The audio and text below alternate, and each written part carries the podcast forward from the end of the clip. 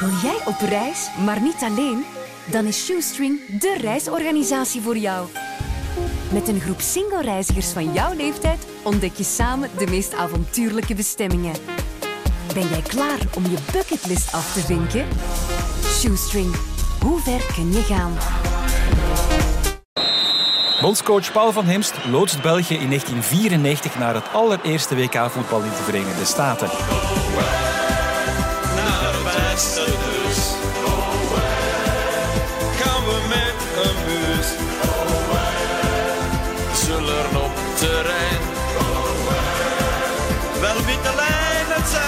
27e plaats op de FIFA-ranking zijn onze Rode Duivels op dat moment zeker geen wereldploeg.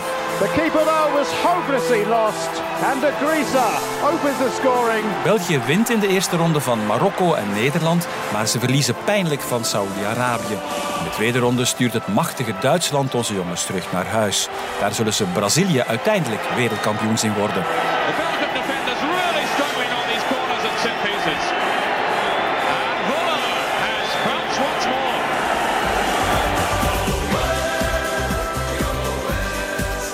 Je luistert naar de podcast Het WK van toen. Jonas de Kleer blikt terug naar de WK's van de afgelopen 40 jaar waar onze Rode Duivels aan deelnamen.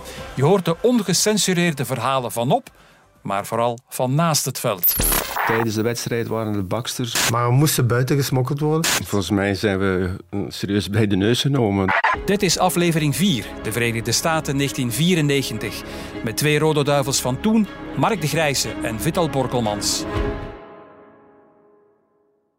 Dag Mark de Grijze en Vital Borkelmans, welkom. Dankjewel. Alsjeblieft. Blij dat jullie hier zijn. Ehm, jullie zitten hier nu opnieuw samen. Eh, hebben jullie eigenlijk nog veel contact? Is het lang geleden dat jullie elkaar hebben gezien? Ja, toch een tijdje al. Hè. We komen elkaar wel eens tegen op de Op golfbaan. de golfbaan, eh, ja. Dat we uitgenodigd zijn voor een wedstrijdje of zo. Eh, maar ja, Vital is de laatste jaren toch wel veel weg geweest. Eh, en ik zit eh, ja, in de studio. En hij staat nog altijd op het veld of ernaast. Ja, ja, ja, inderdaad. Jij bent analist eh, bij VTM en het laatste nieuws, Mark. Waar ben jij momenteel mee bezig, Vital? Thuis, thuishouden. Oké, het moet ook gebeuren. Dat doe ik ook. Ja, ja ook, voilà, zie je. Ehm, ja, en dan eh, regelmatig eens wat gaan golven, gelijk Mark zegt. Dat is nu eigenlijk een, een serieuze hobby geworden van mij. Wie is de beste golfer? Rechts van mij. Mark? Ik, ik sta op handicap 9, ik weet niet, Vital. Ik eh, 17, Dus, dus, dat ja, zegt wel. Dat is een duidelijk verschil. Ik Ja. heb iets meer tijd. Maar goed, nu blijkbaar eh, heeft hij meer tijd voor het huishouden. Maar ja, je wilt dan nog trainer. eh, Ja, ik wil nog echt trainer. Ik het was de laatste keer dat ik eh Mark toen had gezien, had ik hem gezegd, ik was met iets bezig. En toen was het met Hongkong, Hongkong en Singapore. En ja, je vliegt daar naartoe, je gaat dan praten. En oké, ja, dat is dan tweede man, twee keer. Mhm. En nu zijn weer een paar in de pijpleiding, maar ik moet altijd maar afwachten. Hè. Ja, ja, dus voorlopig huishouden en golfen. Klinkt, Ja. ook, klinkt ook goed, hè, Vital? Niet ja, ja, natuurlijk. geweldig, ja. Dat golven toch. Ik wil wel graag met jullie, want daarvoor zijn jullie hier natuurlijk, terugkeren naar 1994. Het is persoonlijk echt mijn vroegste voetbalherinnering. Dat was mijn eerste Panini stickerboek, 94. Heb ik jullie kopjes daarop geplakt. Ehm, ik was wel maar zeven jaar. Eh, Ik was er ook niet live bij. Daarvoor heb ik jullie nodig. We gaan het niet zozeer over de wedstrijden en de uitslagen hebben, want die kennen we. Ik ben vooral benieuwd naar hoe jullie dat hebben beleefd. ehm, op het veld, maar ook naast het veld. Hoe dat allemaal is gegaan. Ehm, ik wil ook wel graag even checken. Ik heb jullie gevraagd om een aandenken mee te brengen van dat WK 94. Je moet nog niet verklappen wat het is, maar hebben jullie dat bij? Ik heb iets bij me, ja. Ja. Oké. Maar ik kreeg dat in hoeveelheden. Hè. Ja, zij was toen eigenlijk, eigenlijk een grote vedette van de nationale ploeg. Ik was zo vijf uur aan de wagen. Ik kreeg dan maar een klein beetje. Dus mij heeft altijd nog, eh, nog veel in zijn kast liggen. Dus mensen, verzamelaars, Mark heeft nog genoeg. Oké, oké. Maar we gaan straks verklappen wat het exact is. Dat is goed. Ehm, we hebben het al een beetje gehoord, ook in die intro. Het WK 1994 werd ook een beetje gepromoot met een, een hit. Het, het was wel een hit. Eh, Go West.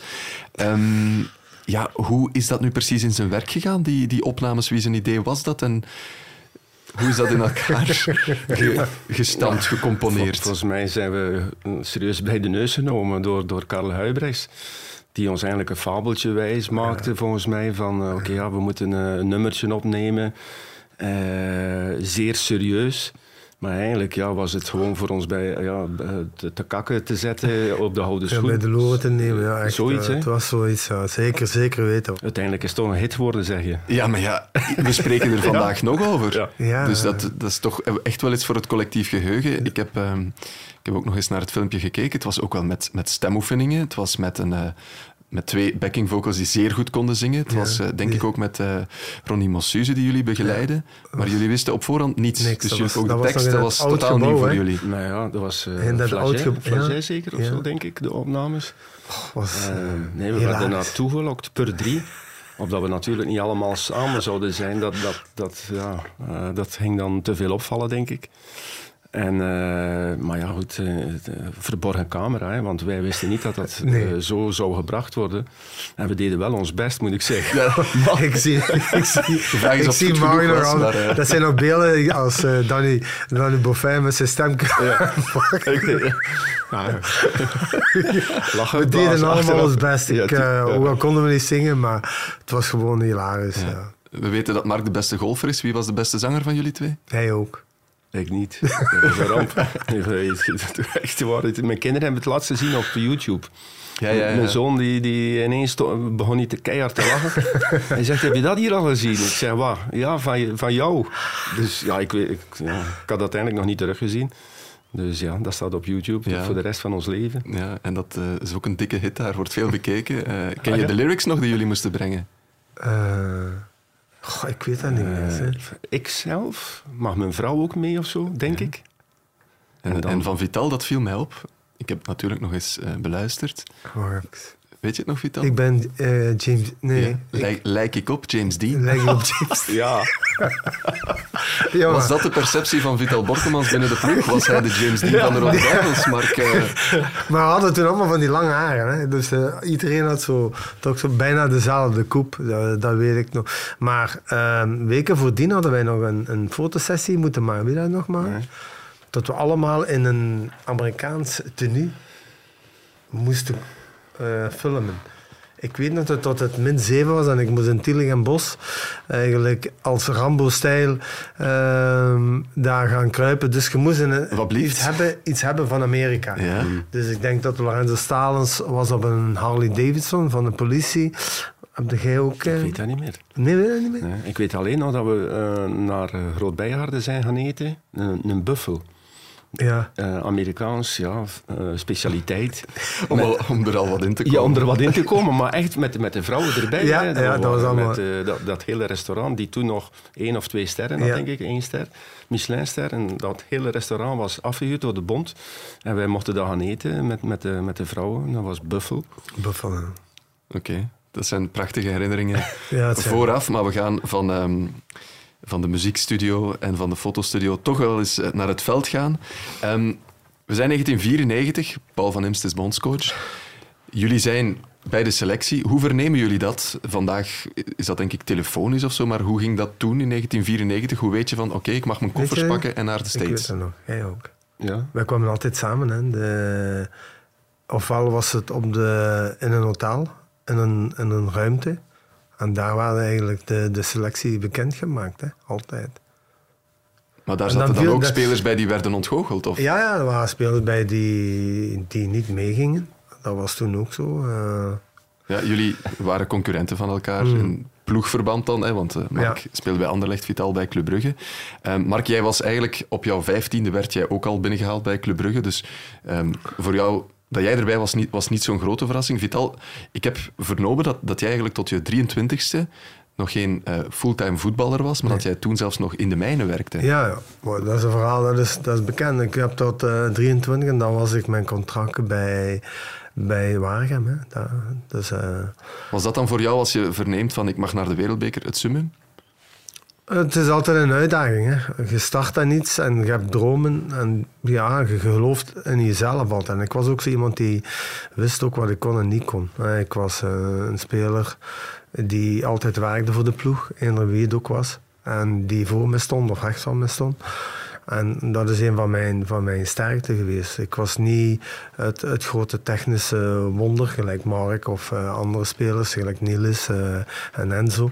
Nee, ik moest het hebben van de kracht en, en, en het werkvermogen. Loopvermogen. Ja. Niet voor niets het brommerke. Ja, Ja, ja, ja. Dus dat was een ja. van mijn, van mijn sterkte punten waar ik dan eigenlijk tot mijn recht kwam om ja, toch een, proberen een goede center te geven. Een, wing, een wingback, hè? Ja. maar dat bestond toen en dat werd toen nog niet zo uitgesproken. Hè? Een Nee. wingback, hè? echt Ja. een goede wingback. Daar was een die- tijd voor. Ja, absoluut. Eigenlijk wel, hè? Ja. Nu, jullie gaan naar Amerika. Ehm, dat was ook in 94. Dat was wel een gegeven dat dat in Amerika ging zijn. Ehm, het was ook een beetje onbekend van, gaan daar veel supporters voor opdagen? Hoe groot is het voetbal in Amerika? Was dat voor jullie ook de eerste keer dat jullie naar de Verenigde Staten gingen, los van het voetbal? Ik niet, ik was al geweest. Ja. Ik wel. Ja. Ik, eh, voor mij was dat zo een, een wauw. Ja. Ik ga naar Amerika. Hadden jullie ook het gevoel van, dit, dit wordt wel spannend en, en was dat onzeker hoe, hoe populair dat het WK daar ging zijn? Het was een beetje dubbel. Het was inderdaad nieuwsgierigheid van eh, wat gaat het worden, maar het was ook zoiets van moeten wij nu naar Amerika? Ik bedoel, dat, dat voetbal is daar niet populair. Dat was een beetje dubbel van, eh, hè, want het vorige WK was, was in Italië geweest, dat was in 90. Italië was toen het topvoetballand. En eh, ja, Amerika, dat, dat, dat was een groot vraagteken. Maar uiteindelijk is dat, wat mij betreft, toch eh, enorm meegevallen. Ja, Eh, mij ook. Zeker. Enorm veel publiek, grote stadions. eh, interesse was fantastisch. En ook het land. Dat was, dat was gewoon leuk om, om, om, om een WK daar te spelen. Ja. Dus denk ik zelfs tot op vandaag nog altijd ehm, gemiddeld genomen Meest- het meest aantal supporters die erbij Ja, waren ja. tijdens de wedstrijden. Ja. Jullie spelen altijd voor 60.000 mensen en meer. Dus eh, het was dan toch populairder dan op voorhand gedacht. Ja, ja, maar dat was ook de bedoeling, hè, om, om nog een keer ja, te proberen. Want in de jaren 70 hadden ze al een keer geprobeerd met, met Cruyff en de grote namen die op het einde van hun carrière probeerden dan, eh, voetbal in Amerika populair te maken. Dat was toen nog niet gelukt. New York Cosmos, hè, dat soort eh, teams. En nu, ja, en als je, we zijn nu 20 of 30 jaar eh, later. eh, in Amerika is het toch doorgegroeid. Ja. Eh, maar toen ja, was dat enorm veel volk, inderdaad, die grote Ja, stadions. heel- ja. Maar jullie komen toe in eh, Amerika. We weten dat onze Rode Duivels, als zij vandaag naar een eh, kampioenschap gaan, dan wordt er een heel resort afgehuurd. Hoe zat dat toen in 94? Waar komen jullie terecht? Welk hotel? Hoe is die accommodatie? Eh, Goed. fantastisch. Ja. We- Grote een heel, heel vakantiepark was Ja, van ons. ja. Dus iedereen had een eigen bungalow. Ja, een eigen bungalow, grote kamers. We lagen met twee kamers. eh, grote living. ja, een living, een Plaats keuken. genoeg. Hoe Zeggen, plaats genoeg. Een plaats, een bungalowtje voor een klein gezin. Dus eh, iedereen had dat. Dat was wel in orde dan. En er kon ook niemand op dat complex komen. Nee. Wij waren helemaal afgezonderd. We lagen ook, eh, wat was die golfbaan, 500 meter verder. Maar toen golfden jullie, Nou, of de nog meesten niet, nog niet. nog niet. Wij waren met een paar die wa- waren begonnen. Eh, is daar begonnen? Nee, nee, Ah, ik was al eerder. Maar we konden met de fiets daar naartoe. En we zijn daar een paar keer naartoe gegaan. ja. We hebben dan nog een paar balletjes. eh, mannen die voor die bal liepen, onder andere eh, Josip. En, en, en iedereen sloeg maar, terwijl dat, dat levensgevaarlijk was. Van mannen Tijdens die nog niet... Ja, dat, dat Mooi, was ja. één bende. Ja. Wij, wij deden eigenlijk wat dat we wouden op dat Ja. gebied. Hè. Eh, we hadden vaak toch uh, vrij. ja. Maar het golfresort, ja, dat was eh, picobello. Dat, was, dat was geregeld door Roger van den Stok. ja. Die de bijnaam kreeg Roger van den Holfstok. En ook, eh, er waren heel korte molds bij, heel grote molds. En eh, ja, ik zie nog sommige spelers met, in plaats met één koffer vertrokken, met, met vier of vijf terugkomen. Maar, Echt. Wij, wij, wij waren in Daytona, toch? hè? Ja, Daytona. Dus eh, wij lagen daar. Dus Danny Boffin had zes, alles kocht hij. Zelfs een, eh, een, een, een politiehoed, die, eh, die moet ik hebben, zegt hij. Hè? En hij kocht het. Hij moest, hij moest dat hebben. Pas op, en wij waren toen al, eh, van je slaat eigenlijk een, een stap over, tien dagen naar Font-Romeu geweest. Goh, ja. ja. Font-Romeu was in de Pyreneeën en, eh, om ja, aan te passen Passen, aan de warmte. warmte. Eh, dat, dat Uithouding. We mochten daar ja. de eerste twee dagen niet, niet lopen, omdat dat, je zaten daar op 2000 meter, denk ik, of, toch, Twee- ja. of 1500. We sliepen op 1600 en we moesten naar 2000 Zoiets. gaan. Ja. Ja. En daar, daar zijn we al tien dagen begonnen aan dat WK. Rustig aan, een paar oefenwedstrijden gespeeld. dus ja, die stage diende om al een beetje te acclimatiseren. En, en eigenlijk begint daar al de teambuilding ook, hè, voor, voor de sfeer. En laten we het eens hebben over dat acclimatiseren. Ehm, de weersomstandigheden in de Verenigde Staten waren toen super zwaar. Tegenwoordig, als het, daar, eh, als het 40 graden en meer is, dan verleggen we gewoon het WK naar de winter. Dat gebeurde toen niet. hè. Nee, ja. Ehm, maar hoe pakten jullie dat, dat aan? Vandaag zijn er ook ijsvesten, aangepakte drank- en voedingsschema's. Hoe gingen jullie daarmee om? Wat, wat, wat werd daarvoor gedaan? We hebben van al gekregen. Hè. Al moeten uitproberen, denk ik. Eh, Een beetje vroeger trainen, maar we hebben ook wel op het uur van de wedstrijd, Wedstrijd, getraind. ja. Gewoon ook om dat te proberen. Hoeveel Goed. graden was het toen? Meer dan 45. ja, in het stadion was 47 graden als wij gespeeld hadden. Hè, Dus toen. het was middags om Ja, 1 uur we spelen, of half 1 zelfs. Ja, Gewoon voor de Europese tv-zenders. hè. Ja. ja. Eh, dat En was... de, dus, wat, wat het vervelendste van het hele ding, ik was altijd twee keer persconferentie. Hè? Twee keer s- eh, en een eentje. Op een gegeven moment ja, we- weet je niet meer wat je moet vertellen. En die mannen waren gewoon ons eten, wat we eten elke dag. Dus het was, dat dus was eigenlijk saai. Dat was saai. Ofwel hij of iedereen moest elke dag daar naartoe gaan. Rond het zwembad, hè, Ja, rond, het zwem, persconferentie. ja, rond het zwembad. Ja. Je mocht de pers even binnen in ons complex. En, maar ik had het kan zijn dat ik fout ben. Ik had ergens ehm, gehoord of gelezen dat jullie wel een, ehm, een speciale gel kregen. Vriezer, vriezersjan. Ja, maar leg dat nog. eens uit. Dat was tegen de warmte. Dat is vriezer, wil zeggen, dat doen ze nu nog. Hè. Dat is eh, als je bij de kapper gaat, eh, zeker bij de mannen, krijg je een massage. En dat, is, eh, dat, dat geeft een hele frisse, frisse t- gevoel op je hoofd. Maar als je één minuut buiten bent, ik zweer je, je komt die kleedkamer van airconditioning naar het stadion. Dat was... Dat in, was in de sauna daar terecht Ja. kwam. Echt een sauna. echt sauna. Maar de, allee, ja, dat waren de meest geavanceerde nieuwe technieken die, Ja. die werden gezocht eh, Ja. om, om die warmte een beetje te kunnen verdragen. Maar veel meer was er niet. Hè. Niks echt... eh, Eh, wel tijdens de wedstrijd waren de baksters of Baxters. eh, Ah, na de match? na de wedstrijd. Ja, ja. Maar ik denk tegen baksters om echt te gaan aanhangen. Ja. Serieus? Ja, volgens mij tegen Vocht. Nederland was het eh, Emmers en eh, Lorenzo, denk Lorenzo, ik, ja. die echt wel nood hadden aan, aan bakster, aan Ja. extra voeding. Oh, Maar, Ja, Ja. Die, die, was, die was leeg ook, hè, want ik... je, je kan toch ook gewoon veel drinken, denk ik dan? Nee, Ja, maar dat, ging niet meer. eh, Die waren al zo ver. Je droogt helemaal uit. Ja. Om 40, 45 graden was, was niet te doen. was echt niet te doen. En de ene heeft er meer last van dan de andere. Maar ja, goed. eh, sommigen hadden extra voedsel nodig en dan kreeg je zo'n bakster. Amai, oké. Ja, Eigenlijk, eigenlijk niet verantwoord. Nee. Het is zoals gezegd, nu verzetten ze naar, eh, naar, naar de winter. Ja. Maar eigenlijk kan je op die temperatuur of in die temperaturen op het middaguur, hè, ook dat nog. Hè. Ze zouden Dat is de heetste van de dag, ja. Ja, speel dan om negen uur eh, s'avonds. bedoel, ja, dat is nu eenmaal zo. Maar toen was dat voor de tv-zenders, opdat dat in Europa ja, op een deftig uur zou kunnen uitgezonden worden. Ja, ja. Oké. We gaan dan eens kijken naar ehm, het sportieve gedeelte, toch wel kort. Daar moeten we het natuurlijk over hebben. Jullie worden uiteindelijk in een poelen ondergebracht met Marokko, Nederland en Saoedi-Arabië. Als jullie die poelen zien, met welke ambitie beginnen jullie dan? De eerste twee, samen met Nederland. Ja. Dat, was, ook- duidelijk vooropgesteld. dat was, realistisch ook. Ja, Ja. dat was ook. Ja. Die eerste match tegen Marokko, jullie winnen met 1-0. Een doelpunt van? Hier. Ja, ja, hier. The keeper, though, was hopelessly lost. And de Grisa opens the scoring 11 minutes into the game. Mark de Grijze. Met de kop. Ja, Hoeveel keer heb je met de kop gescoord? Heel veel. Ja, ja. Ja, nee, ja, en, eh, ja, timing was iets beter dan de keeper. Hè. De keeper zat ernaast. Hè. Ik was er eerder op. En, eh, voorzet van Luc, hè, Niels. Ja. Ja, timing. Dus ja, eh, dat kan wel eens gebeuren. Ja, dat kan wel eens. Ja, gelukkig was het op een WK voor mij. Ja, maar dat had toch wel veel kansen gehad ook al. Ja, in ja. het begin. dat was in het begin van de wedstrijd. Hè. Dus, eh, maar die wedstrijd speelden we zeer aanvallend. Hè. Ja. Ja. Met, met Jozip, Luc, ik en Enzo. ik bedoel, dat waren vier aanvallers. Hè. Ja, ja.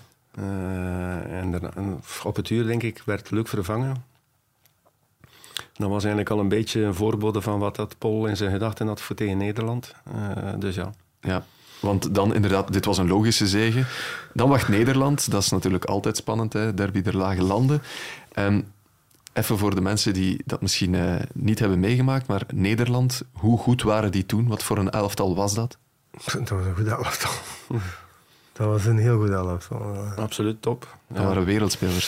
Hè? Rijkaard, Rijk- Koeman, de tweede Boertjes, eh, Bergkamp, eh Jonk, Dament, Dament speelde Ja, toen aan die eh, kant. Roy. Roy. eh, ja, Ja, zij waren eigenlijk favoriet tegen Absoluut. jullie, kunnen we toch wel stellen. absoluut.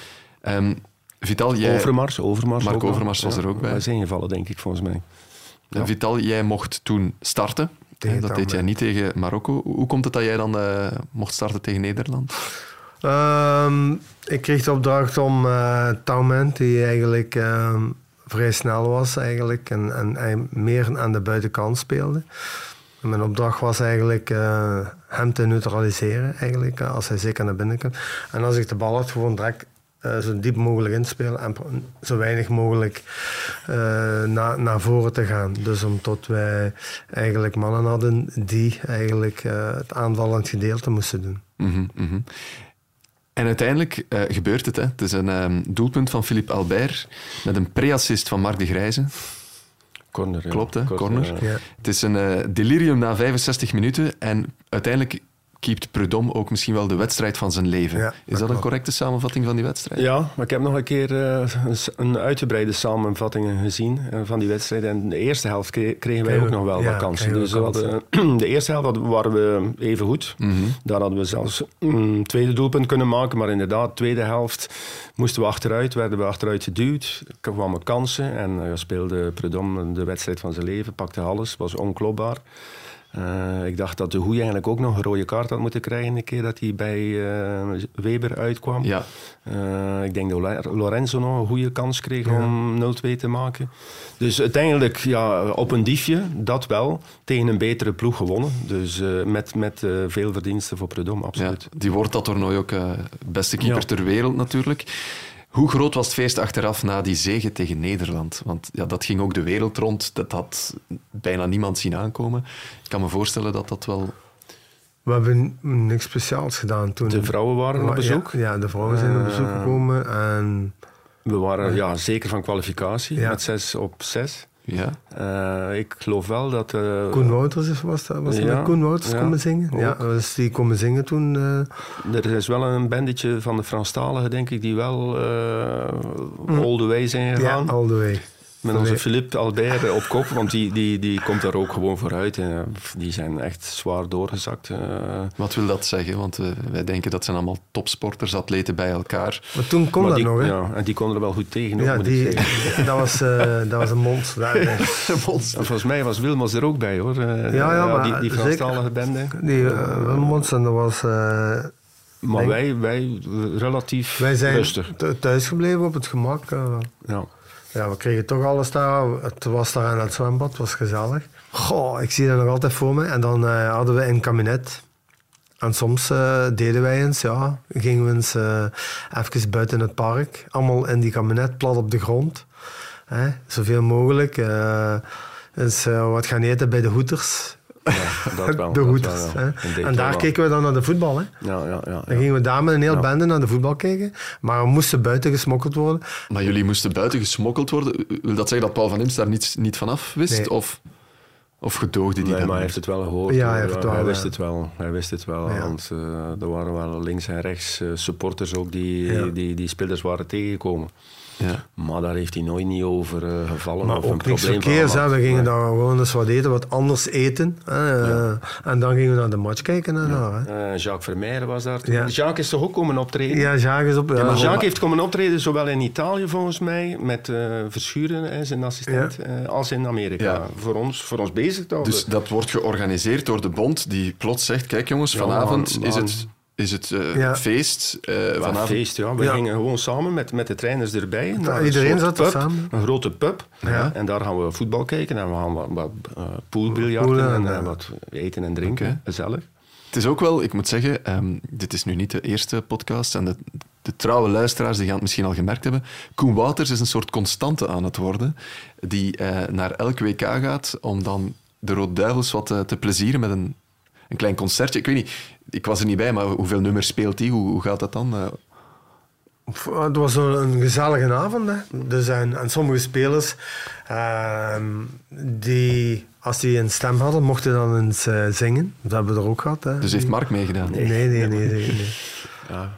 Danny Ja. Boffin dan? Koen heeft een nummertje, niet, niet te veel, hè. een stuk of Nee, vijf nummers ja, gezongen. ja. Gewoon even ja, te tonen dat hij ons steunt en Ja. toch ook weer een beetje sfeer. Hè. Ah, wel, deed dat deugd dan? Ja. Vond je dat, Ja. was dat, ja. Het, het- het was lang. Het was echt lang. Dat, eh, de voorbereiding. Die voorbereiding, eh, heb ja, ik ja. al gezegd, die tien dagen. En dan, eh, dan waren we ook al, volgens mij, zeker ook een week op voorhand voor, de zeker, eerste wedstrijd. zeker.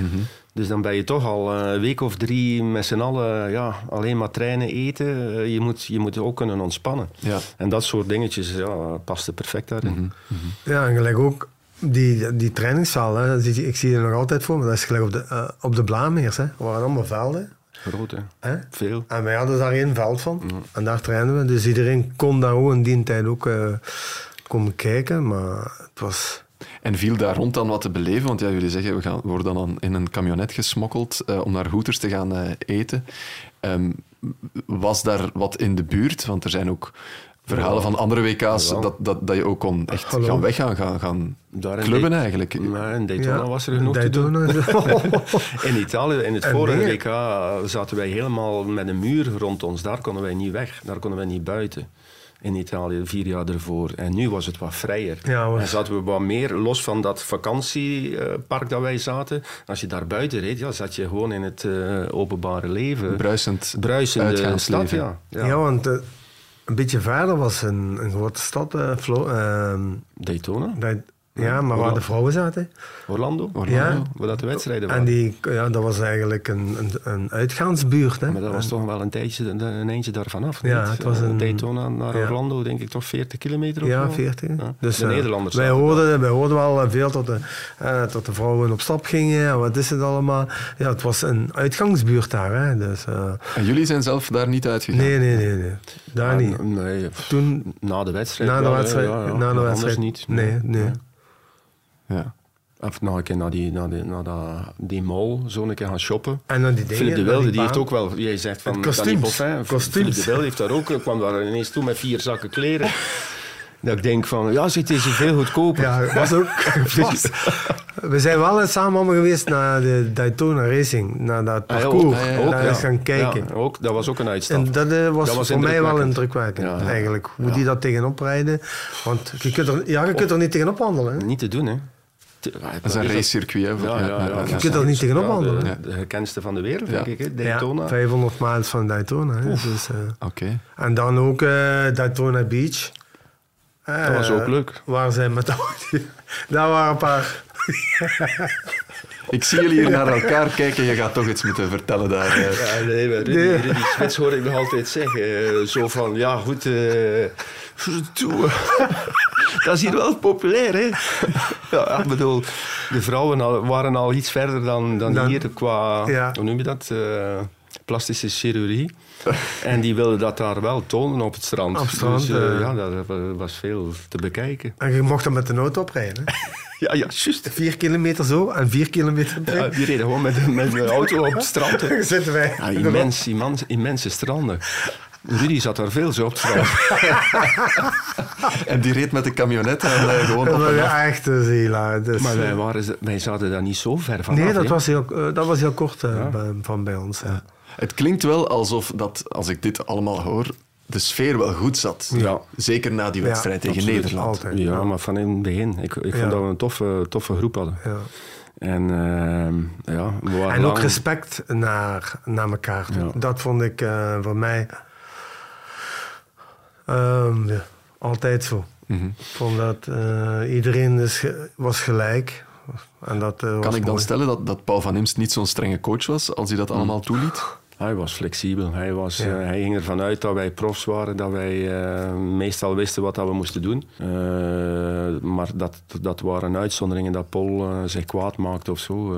Zolang er gepresteerd werd en resultaten Ja, gehaald ja, werden. Ja. Ja. en hij vond ook wel dat wij inderdaad goed, goed uh, werk leverden. Ja. En dat daar af en toe een keer wat ontspanning bij kon, mocht. Ja, dat, dat vond hij, dat vond hij oké. Okay. Ging die dan ook eens niet mee met jullie Ja, in de camionet? Nou, nee, nee, de camionet niet. Nee. Nee, Paul zat liefst uh, na, na het eten. Ik, ik weet nog dat hij toen heel Met graag... Michel, hè? Ja, maar een dikke sigaar Een rookte. dikke sigaar, hè? Dat, Met dat, Michel. Zoals Gitijs.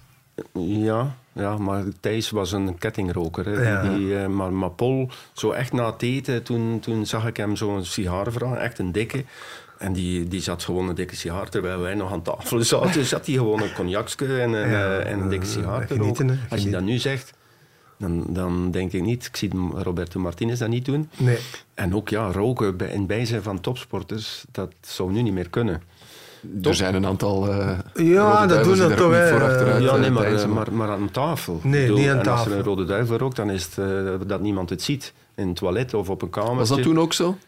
Ja. Er waren er wel, denk ik. Ja, Ja, waren. Ik kan er nu niet direct een noemen. Ik weet nog in de tijd, dat was al bij de club, in de, dan mochten ze nog roken in de vlieger. Gingen ze van, je Ja. weet al wel wie, Ja, ja. mochten ze van achter roken nog bij, bij Zot. de stoel. Dat weet ik nog, maar dat waren erbij, ja. En er mocht ook al wel eens gedronken worden, want Ja, ja, dat was geen probleem. Ik bedoel, een pintje drinken na de wedstrijd of, Of een eh, glasje wijntje. Een glas wijn. Er waren erbij die graag wijn hadden. Maar niet, te- niet te veel. Dat, Nee. het, is, het is niet dat daar eh, Nee, echt echt eh, z- zotte buien qua drank zijn geweest. Nee, maar omdat jullie zeggen, hè, neem nu eh, Philippe Albert, eh dat is een monster, die kan alles aan, Ja, ja. maar het is wel 40 graden. Eh, jullie moeten zanderdaags trainen. Ja, eh, dat lijkt me toch heel hard. Maar je gaat niet voor de match beginnen te drinken. Nee, nee, het is altijd na de nee. wedstrijd dat je bepaalde dingen eh eens te drinkt. Maar voor de wedstrijd, nee. Nee. Ja. En na de wedstrijd trainen is voor de spelers die gespeeld hebben een Ja. beetje uitlopen. Dat kan je ook nadat Ja. je eh, x aantal pintjes hebt gedronken. En zeker Flip. Dus, maar, maar dat, Eerst een dat- bakster en dan... eh, Ja, dat was toen wel ja, aanvaard. Van eh, ontspanning na de wedstrijd en dan Sandera's uitlopen en dan eh, goed recupereren. Dus ja, dat Ja. hoorde er wel bij. Ja. Dus qua ontspanning eh, hoor ik, er wordt ehm, serieus geshopt, er wordt gegolfd, er wordt eh, wat gegeten, gedronken. Mag allemaal natuurlijk. Er- vissen kunnen ook wel. Ik weet nog dat we tot Lorenzo aan de vijver zat en dat daar. We ze- moesten gaan trainen en een serieuze joekel. eh, dus we moesten gewoon even wachten op hem. Dus, eh, je ik moest ben- nog een vis uit de vijver halen. Lorenzo Ja. en nog? Wie was En er ik, nog? was, ik zat erbij ja, ook. En ja, dat was echt een serieus beest. Dus, maar dat, dat, dat, moet, dat gaat en dat komt. Dus eh, die, moeten moe maken. en iedereen zat te wachten in die- in bus en de pol. Ah, op zijn- Brussel zei ik kan het niet nadoen. Hé hey, man, nee, allee. ja, maar ja, kom, wat moeten we doen? Pak hem met de handen dan. Hè. Ja, ja, ja, ja, dus juist, dat was ook zo'n uitstap. Ja, het- Nu, er werd ook, eh, zoals je daarnet al zei, Mark, er werd ook gekaart. Daar gaan ook eh, wilde verhalen eh, de ronde. Dus over- nu over voor eens en altijd, hoe is dat gegaan? Dus Ja. Mark en Vital, vertel het me eens. Daar, ik zeg het, er zijn verschillende versies, hè, maar ik kan, het, ik kan het alleen maar vragen. Ja. Voor hoeveel werd daar nu gekaart? Nee, maar het begint eigenlijk dat in die periode het eh, pokerspel een beetje opkomt. Want Oké. normaal speelden we alleen bijvoorbeeld op 2K Manille. in, in, eh, in 90 was dat oftewel Manille, Ja. oftewel Dubbele King. Dubbele eigenlijk King. Dubbele King, King was het was populairste. En eigenlijk tot aan dat WK ook. Maar op een zeker moment, ja, poker komt in beeld in de, in de maatschappij en, en ook bij de voetballers, bij ons. En dat begint daar in uh, Font-Romeu. Font-Romeu. Ehm, In ons kamer, in mijn kamer. en, en zo beetje per beetje, ja, eh, iedereen eh, vond dat leuk, begon daar interesse in te krijgen. En eh, in plaats van vier werden er dat zes kandidaten, acht kandidaten, tien kandidaten, twaalf kandidaten. Dat op een zeker moment, ja, iedereen eh, bij het eten van, zat te springen van, allee, de eerste vier mogen beginnen aan pokeren. Dus eh, zo, zo werd dat wel eh, erger en erger. En ja, dat begon te leven in de hele groep. Ehm, en hoe is dat dan gegaan? Ja, je begint met, eh, weet ik veel, in Belgische frank, eh, met 100 frank of Ja. 200 frank. En dat gaat naar 500 frank en dat gaat naar 1000. Tot dan, nou ja, op een zeker moment toch een beetje veel werd. Hè, want dat werd dan ook opgeschreven. Je kon niet blijven, Nee. want het was met jetonnetjes werd er gespeeld. ja. Van, hè, echte, eh, ja, een soort casino Ja, jetonnetjes. ja, zoals het echt gaat. Zoals Ja. het echt gaat Ja. hè, bij pokeren. En eh, ja, goed, dat moest opgeschreven worden. En ja, je kent dat. eh, als je met 10 of met 12, dat, dat gaat als een lopend vuurtje. Oh, ja, die, die, die staat zoveel in het rood. Die, die zie niet goed. ja, natuurlijk komt dat ter oren van, eh, van de trainer. En eh, ja, die heeft dat dan een keer eh, op een moment eh, aangekaart. Zoals dat die Filip... eh, Mooi woordspeling. Ja, ja oké. Zodat hij Filip een keer voor de groep op zijn plaats zette, heeft hij ook toen voor de groep gevraagd: jongens, weet wat dat je mee bezig bent. Ik heb niks tegen kaarten. dubbele king, Manille. Maar als ik hoor wat dat er met dit eh, pokeren gebeurt, wat dat er op spel staat, denk daar een keer goed over na en hou daar rekening mee. En, en, ja. en dan zijn we eigenlijk gestopt. Maar toen was het eigenlijk al redelijk, eh, het was al, het was al geëscaleerd. Toen zei Paul nog in één keer... Tegen Dirk, Dirk. Met vet. Je auto. Heb je die nog? Heb je die nog? en die had zo'n eh, zo'n eh, coupé-sec. zo een roze. Zo knalroze met beige leer, leer eh, van binnen. Goh, Een roze? En een roze. Of ro weet je dat niet meer? Zo'n Nee, weet ik Bordeaux niet. roze. Of, Ja, Bordeaux, ja. ja. Maar niet roze. En, Bordeaux, Bordeaux. Bordeaux. Goh, en iedereen lag toen plat. Hè. Ja. Gelijk- Maar gelijk Paul het dan echt kon zeggen. Hè, zo, maar gemeend, maar ook voor te lachen. En dan is het eigenlijk toch gestopt. En dan, ik weet nog Maar het wel... ging wel om die bedragen van auto's. Want ja, dat is wel Ah, ja, niet Nee, niets, hè. het ging over duizenden, ja, tienduizenden ja. franken. Franken. Ja, ja. Ehm, en toen hebben we wel voorgesteld van oké, we laten dit vallen. Eh, niemand gaat hier eh, iets betalen. We Ja. gooien dit weg en Ja. we, we stoppen ermee. En we gaan gewoon weer dubbele king of. Manille. Ja. Dat, is, dat is eigenlijk wat er gebeurd is. En dus daar heeft niemand zijn broek aan gescheurd Nee, of niemand heeft eh, een ruzie gekregen met een ander omdat hij moest geld krijgen. Dus dat is, we hebben dat op eh, voorstel van de trainer eigenlijk opgelost en alle schulden Ja. die moesten betaald worden laten vallen. ja. was echt... eh, maar ja, dat is ook... eh, want als je op een gegeven moment is dat zodanig gevaar dat je problemen gaat krijgen Ja. en creëren in de groep. En ik moet eerlijk zeggen, dat heeft Paul en, en met, Ja. eh, samen met, ik geloof met Frankie, jij en Enzo en Ja. Groen eh, samen opgelost eigenlijk. eh, en, ja, we hebben, ieder- we hebben dat gewoon gestopt. En boef. hij zegt van kijk, we, we, we beseffen dat dit eh, niet goed is voor de sfeer. Dat je, dat je geïrriteerde spelers krijgt en we laten dat vallen, weg. Hup. En Ja. iedereen heeft dat aanvaard. Want inderdaad, er kwamen toen ook eh, verhalen naar buiten van eh, dat eh, Josip Weber, zaliger, dat hij enorm verliezen eh, leed, dat hij misschien niet de beste kaarter was dan op dat moment. Ja, maar goed, dat, Maar- was, dat was een Dat andere was- reden. Dat was- zijn andere zaken. Ja, hij, zijn vrouw was mee en die zat vaak bij Karel Huibrechts Ja. eh, in de buurt. hè, met, die, met die houden schoen, met Goed. dat programma was, was hij daar close mee. En die zei wel eens tegen, tegen Karel, hè, de vrouw van Joske, ehm, ja, hij is een beetje alleen of hij heeft moeilijk, eh, niemand praat tegen hem. En dat is een beetje overdreven geweest. Ja. Ehm, dus, maar dat had eigenlijk niks met die, met die kaarten te maken. Want dat is natuurlijk, eh, voor, voor de mensen die niet helemaal mee zijn met het verhaal Josip Weber. Weber speelde eh topseizoen, was topschutter eh, bij Cercle Brugge. En werd eigenlijk zeer snel en, en vrij last minute genaturaliseerd om toch als extra spits kunnen mee te gaan naar dat WK 1994. Ehm, hoe, hoe kwam dat binnen bij de groep dat ehm, zo'n spits snel, snel ehm Belg ging worden om ons te, te gaan ondersteunen op dat WK 1994? Eh, ik, ik vond het vrij raar eigenlijk. Ehm, Oké, tot hij een, scorende spits was, maar we, hebben, we hadden spitsen die ook konden scoren en we hadden spitsen die heel goed lagen in de groep. Eigenlijk. En eh, oké, daar kan die jongen niet aan doen tot hij die kans krijgt eh, voor België en niet voor zijn land eigenlijk. Maar voor mij had ik zo... De, ik had het er altijd moeilijk mee. Waarom moeten wij mensen eh, echt nu- neutraliseren, terwijl dat we zelf goede, goede spitsen hebben. En op dat moment hadden we eigenlijk eh goede spitsen. Als je ziet, we hadden Niels, we hadden Mark, eh, we hadden Mark Wilmots. Want, ja, Tjernia was ook. Ja. En ik zeg het, Dat was een keuze van Paul. hè. ja, Paul was zot van eh, Joseph Weber. was dat, en toen is hij ook naar Anderlecht gegaan. Ja. Ja, want Dus- de bond heeft daar ook wel mee geduwd op een eh, snel proces dat het allemaal voor het WK in kannen en kruiken zou zijn. Hè. Als de trainer dat wil, en dan, eh, ja, dat, de federatie moet daaraan werken. Ja. Ik weet nog dat we kort voor dat WK, dat Manu Karianis daar ook een keer bij was, weet je dat nog? Ja. Oefenwedstrijd in Zeeland. Zeeland, ja. Dat hij zijn naam niet kon uitspreken. dat hij zei van, zeg jij maar je naam. Tegen Manu. Maar dat is het leuke. Hè. Het leuke aan Paul was eigenlijk... ehm, je kon eigenlijk in de bespreking kon je eigenlijk iets verwachten. En ja, het is- was altijd ontspannend. Ja. Dat is waar. hè? Ja, maar om nog een keer op Weber terug te komen, kijk, en Enzo was eigenlijk ook, eh, ja, zeg maar, eh, ja, Italo-Belg. Ja, maar dat was al, dat was al ja, Ja. tien jaar ervoor. Ervoor. Dus ja, en toen, ja, Lozano was eigenlijk de eerste waar dat, dat niet bij lukte. En, en nu was dat wel. En dan natuurlijk Mark als, als concurrent, Mark Wilmots heeft daar wel, ja, is daarover gevallen. Zeker Ja. na, na de wedstrijd tegen Saudi-Arabië. Ah, Maar laten we zeggen, ja, eh, het, was vooral de keuze van Paul die wou dat, dat Weber eh, ja, als veelscorende spits erbij kwam.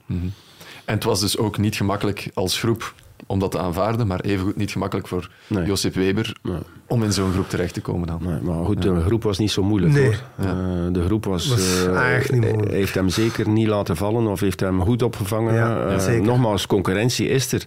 En dat, en dat jouw concurrent eh, niet hetzelfde is als een andere die op een andere positie speelt, ja, dat is ook logisch. Je kan niet meteen als concurrent de beste vrienden zijn. Hè, het is ofwel jij of ik die speelt. Eh, dan, dan, dan ga je toch even anders naar elkaar kijken dan dat je een, een, een verdediger of een spits. Hè. Ik bedoel, die, heeft daar, die verdediger denkt, als die spits eh, doelpunten maakt, is het goed. De concurrent denkt van, als die doelpunten maakt, ja, dan zit Ja, ik op de bank. bank, Ja, ja. en de laatste oefenwedstrijd tegen Zambia hè, was het, op de Heysel, eh, in de hiet in de regen. Die mannen eh, speelden op eh, ja, rubbertjes, denk ik. Gleden langs alle kanten uit en hij maakte er vijf. Ja, dan, dan kan je niet anders dan met Jozef Weber beginnen aan dat toernooi. Ja. Wat Paul eigenlijk ook deed. Eh, want toen speelden we ja, met Luc en ik en Enzo. Mhm. Dus hij, hij was snel eh, geïntegreerd eh, op en naast het veld, dat wel. Alleen ja, hij had zijn eigen karakter ook. Ja, hè. had zijn Dus, eigen. Ja. Eh, maar nogmaals, ja, de concurrentie speelde wel. Mhm. Extra daardoor. Ja. We hebben die eerste twee wedstrijden gehad tegen Marokko en Nederland. En dan volgt die derde wedstrijd tegen Saudi-Arabië. En eigenlijk, eh, ja, daar gaat het niet goed. Hè. Eh, al heel snel in de wedstrijd komen we 1-0 achter. Het is wel een heel knap doelpunt. Ja, hij Kennen jullie zijn naam nog? Hij moest al drie keer dood liggen. Ja, hij mag vertrekken op zijn eigen helft, denk ik. Ja, ja, het is een, eh, bijna een Mara- Maradoniaanse solo, zou ik zeggen. Maar Ik, eh, ik word er elke keer, als ik in Saoedi-Arabië was eh, met de nationale ploeg van Jordanië, wordt er elke keer kwam dat in het interview te, ter sprake van, hè, weet je het nog? Ik zeg, ja, ja ik weet het nog. Ik zie, ik zie hem nog vertrekken over de middenlijn en hij, ga- hij gaat helemaal naar, naar rechts, naar onze linkerkant eigenlijk. Maar eh, de coach had eh, veel spelers gewisseld, Twee. hè? George en Jozef stonden met geel. Hè. Ja. En ehm, dus Ma- Mark eh, die, die kwam in, die kreeg dan, ik weet niet hoeveel kansen eigenlijk, eh kreeg dan heel veel kansen. Eigenlijk, en ja, die wedstrijd moet je altijd winnen, maar die goal, ja, zie die gast nog altijd vertrekken. They've gone right through, they'll score! Saudi Arabia have opened the scoring. The goal by Owaran. With a Belgian defence nowhere. Well, that has got to be one of the goals of the tournament without a shadow of a doubt. He's gone past three or four players there as though they didn't exist. Shrugs off the challenge of Medved, then he goes past De Wolf there and just has a little bit of luck here when he comes up against the final defender Schmitz. Just gets it past him, stumbles a little as Albert comes across. Oweran, zijn doelpunt wordt ook eh, gekroond tot het mooiste doelpunt van dat toernooi zelfs. Tegen jullie, ja. ja, ja. En, en effectief, het blijft gewoon 1-0 voor Saoedi-Arabië. Jij, Mark de Grijze, jij wordt ehm, van het veld geschopt. Nou, Ja. ik, mijn Gemeen overtreding. Ja, maar ik, heb, ik, had, ik was geblesseerd. Ja. Mijn liesverrekking. Na Ja. 25 minuten, denk Ja. ik. Dus ja, mijn, mijn toernooi zat erop. Dus eh, ja, vervelend, jammer. En, en zowel voor mij als voor de ploeg, eh, dat we zelfs geen puntje, één doelpuntje was genoeg geweest voor, eh, voor winnaar van de Voor groepswinst, hè? Ja. Dus Hoe ja. is de sfeer dan in de kleedkamer na 1-0 Slecht. verlies tegen Saoedi-Arabië? Dramatisch. Dramatisch. Kunnen- Eh, dat kunnen we niet meer beschrijven. Ik weet nog dat, allee, ik was toen bij de eerste, omdat ik al lang klaar was natuurlijk. En eh, Mark was toen razend. Hè. Mark Ja. Wilmots, volgens mij heeft hij toen ook gezegd, ik, ik speel stop. nooit meer, Ja, zolang ja. dat Paul van Imst eh, trainer is. ja. Die Dus- zei dat in het bijzijn van Paul van Imst. Ja, die is al toen hij de bus opkwam, hè, samen met Philippe Albert en zeg maar, ja, de Franstalige connectie Mm. van de ploeg hoorde ik daarover eh, ja, praten en discussiëren. En, dus ja, eh, je komt daar inderdaad in een begrafenisstemming. Eh, en, en ja, sommige spelers echt razend. Dus ja. En van dat- Imst dat- zelf? Ja, dat viel nog mee. Eh, Hij is hem rustig zelf altijd. ja. Ja. Die mens was altijd... Ja, hij was altijd relatief rustig, hè, op een paar eh, uitzonderingen na. Maar ontgoocheld, ja. En, en ook, ja, als je kansen mist, veel kan een trainer daar ook niet aan doen. Hè. Er waren echt veel kansen. toen. Ehm, dus ja, en, en dan kwam de discussie, had hij dat wel moeten doen? Eh, want George en Weber stonden met één hele kaart. Dus Ja. als die een tweede hele kaart hij zouden krijgen, mochten die niet meespelen in de volgende wedstrijd, in de, zeg maar de achtste finale. Dus hij had die laten rusten. En dat werd dan ook geen vraag gesteld. Waarom heb je dat gedaan? Moest je dat wel doen? Dus ja, vandaar die, na de euforie van eh, de winst tegen Nederland, de begrafenisstemming tegen, na Saudi-Arabië. Merk je dat dan ook als je terug op het hotel komt van oeh, we Ja. blijven maar Ja, beter ja. in onze bungalow. Ja, Dat toen is was het. een stukje stiller. Ja, ook eh, allemaal zo apart. Dan laten ze ook met elkaar met, met rust eigenlijk. Toen zijn, toen zijn we niet naar Hoeders geweest. Nee, nee. Het was iets... eh, Het was grappen Oh, op een jee. kamer en Ja. ja. ja, dat is normaal. Hè. Dat, is, dat is heel logisch. En dan moesten we ook nog een keer als gevolg daarvan, hè, dat we niet, niet tweede of eerste, moesten we naar eh, Washington. Washington? Chicago. Chicago, Chicago. Chicago, vliegen. Ja. Ja, het is, dat is zo jammer. Hè? Dus jullie verliezen daar, daardoor geen groepswinnaar, maar derde. Daardoor moeilijke tegenstander natuurlijk in de achtste finale. Ja. De, ja, de Maar- vorige wereldkampioen Duitsland. Die hadden drie dagen meer rust dan jullie. Mm. Ja. En die konden in Chicago blijven. En jullie moeten in alle 74 minuten. Hadden in, eh, Naar in, Chicago. in Was- Washington gespeeld tegen Saudi-Arabië. Ja, ja. Ah, ja, ja. Dat is het, Dat- volgens mij. We hebben in Washington tegen Saudi-Arabië Ja, gespeeld. Dat was ja. de, hè, die andere, Nederland en Marokko was, in, eh, eh, Orlando. zo- Ja. Ja. Maar hoe, hoe Maar- gaat dat dan? Ja. Ik kan me voorstellen dat de bond er ook niet op gerekend had van Nee. dat, dat jullie nog naar Chicago gingen Nee, maar, natuurlijk niet. Maar hoe, hoe, hoe is het mogelijk ook dat je na twee wedstrijden, zes op zes, toch nog derde wordt? Wat voor een scenario? Dat, dat is bijna niet te doen. Dat ook eh, Saudi-Arabië zes op zes pakt en Die Nederland. winnen van Marokko. Ja. Dus ja, dus dat daar ineens dat je dan met drie ploegen staat die zes op negen hebben, dat is onwaarschijnlijk. En dat we dan nog met dat doelsaldo ja, derde worden zeker. Ja, hè? Of de het. onderlinge confrontatie. Ik weet niet hoe dat, dat kwam, dat we ineens van eerste naar, van pole position derde waren. Dat, allee, dat zat dan ook nog een keer tegen. En toen inderdaad, we moesten weg uit ons... eh, Dat ging, moest allemaal snel. Hè. het gevoel was normaal tegen Ierland, Ierland. weer in Orlando te spelen. ja. Hè, wat dan Nederland uiteindelijk... ideaal geweest en haalbaar Voilà. ook. Ja. Dan moet je de- inderdaad die vervelende verplaatsing maken naar, naar Chicago. 74 uur. eigenlijk. Raymond Goethals was toen als analist ook mee Ja. met Karel, denk ik. Die op dat vliegtuig van ons eh, ja, eh, niet, niet zo positieve commentaren gaf.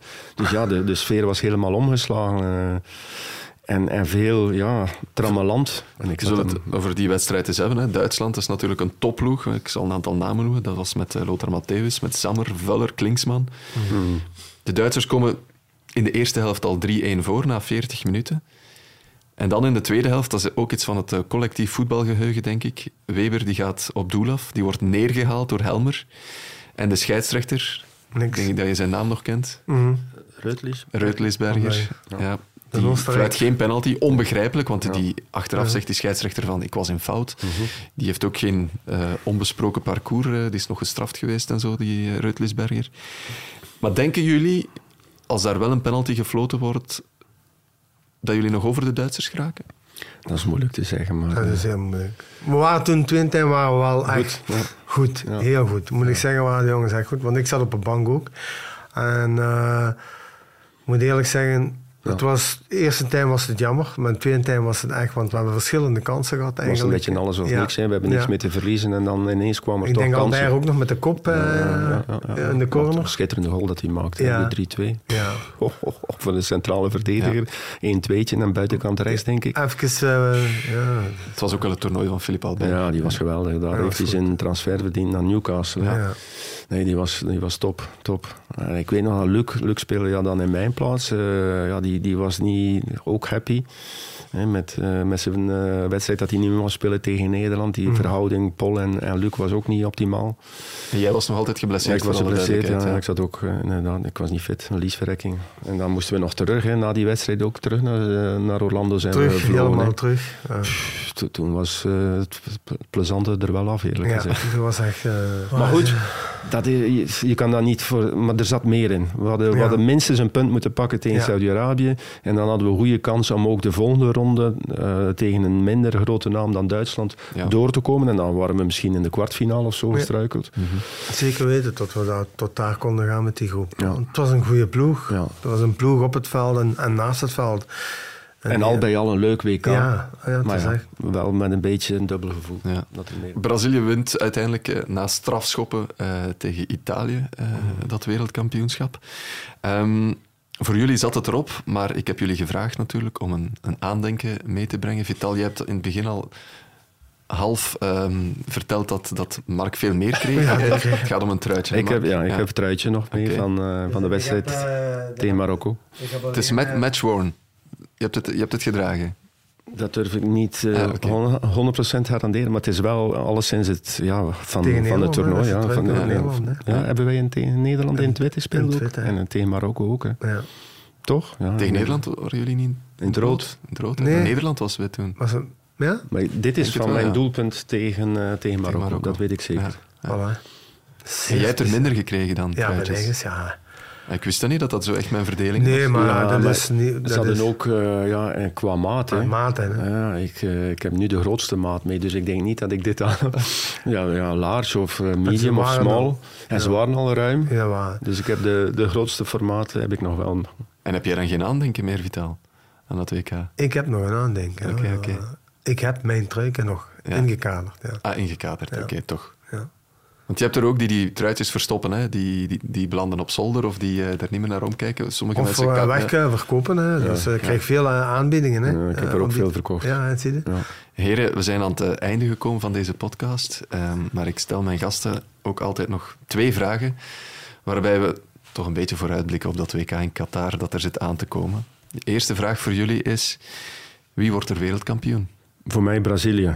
Omdat die op papier, eh, als je de namen bekijkt, die hebben gewoon eh, ja, twee sterke voorlijnen. Als je ze allemaal opnoemt, eh, Vinicius, Neymar, Richarlison, Rafinha, Rodrigo. En Jesus, die nu bij Arsenal zo goed speelt, is, is, er, is er zelfs niet bij. Dat is een luxe waar wij alleen van kunnen dromen, denk ik. Vital, ga je mee met Brazilië of denk Ik ga, anders? ja, ik ga mee met Brazilië. Het, eh, jammer voor België dat die daar tegen Brazilië in de finale verliezen. Dat is de tweede vraag inderdaad. Waar eindigt België? Jij, denkt, jij gelooft in de finale. Ik geloof stevast in, de- in, in, in de jongens, echt waar. Ik, ehm, ik, ken ze, ik ken ze, ik heb er vier jaar en een half mee gewerkt. En ik ken ook eh, hun mentaliteit eh, ehm, als speler. En ja, Dus jij denkt dat we beter gaan doen dan die derde plaats? ja. Mark, wat denk jij? Waar eindigt België? Dat, dat, dat denk ik niet. Ik eh, heb mijn verwachtingen bijgeschroefd.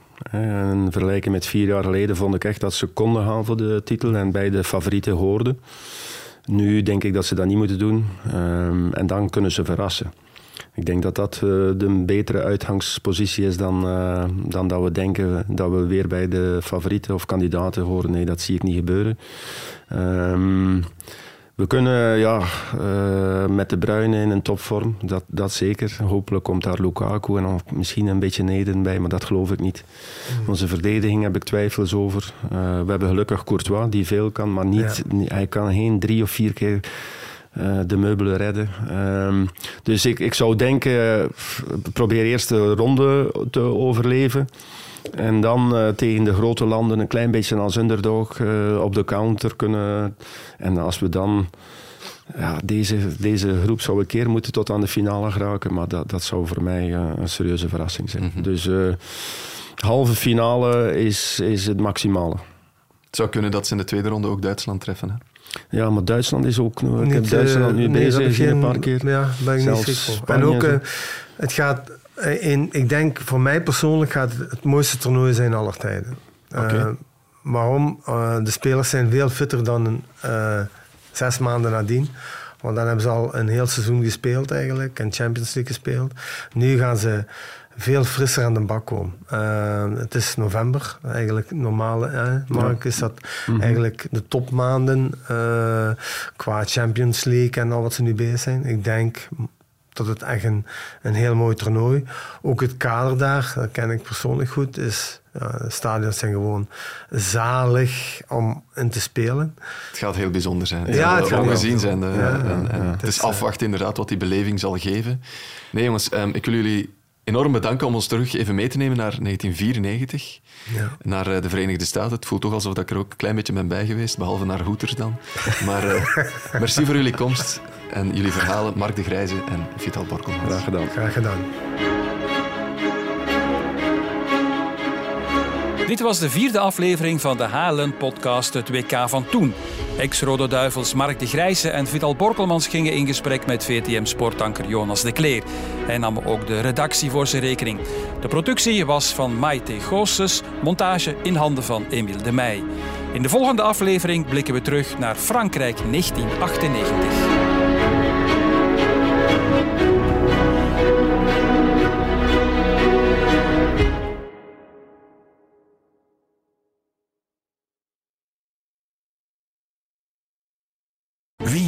Volgens jou de revelatie van dit seizoen? Wie kroont zich tot keizer van La Primavera? En wie is jouw favoriete Flandrien? Liefhebber of kenner, iedereen speelt mee. Stel nu je winnende team samen op goudenklassiekers.be en maak kans op fantastische prijzen. De Gouden Klassiekers, een spel van het laatste nieuws.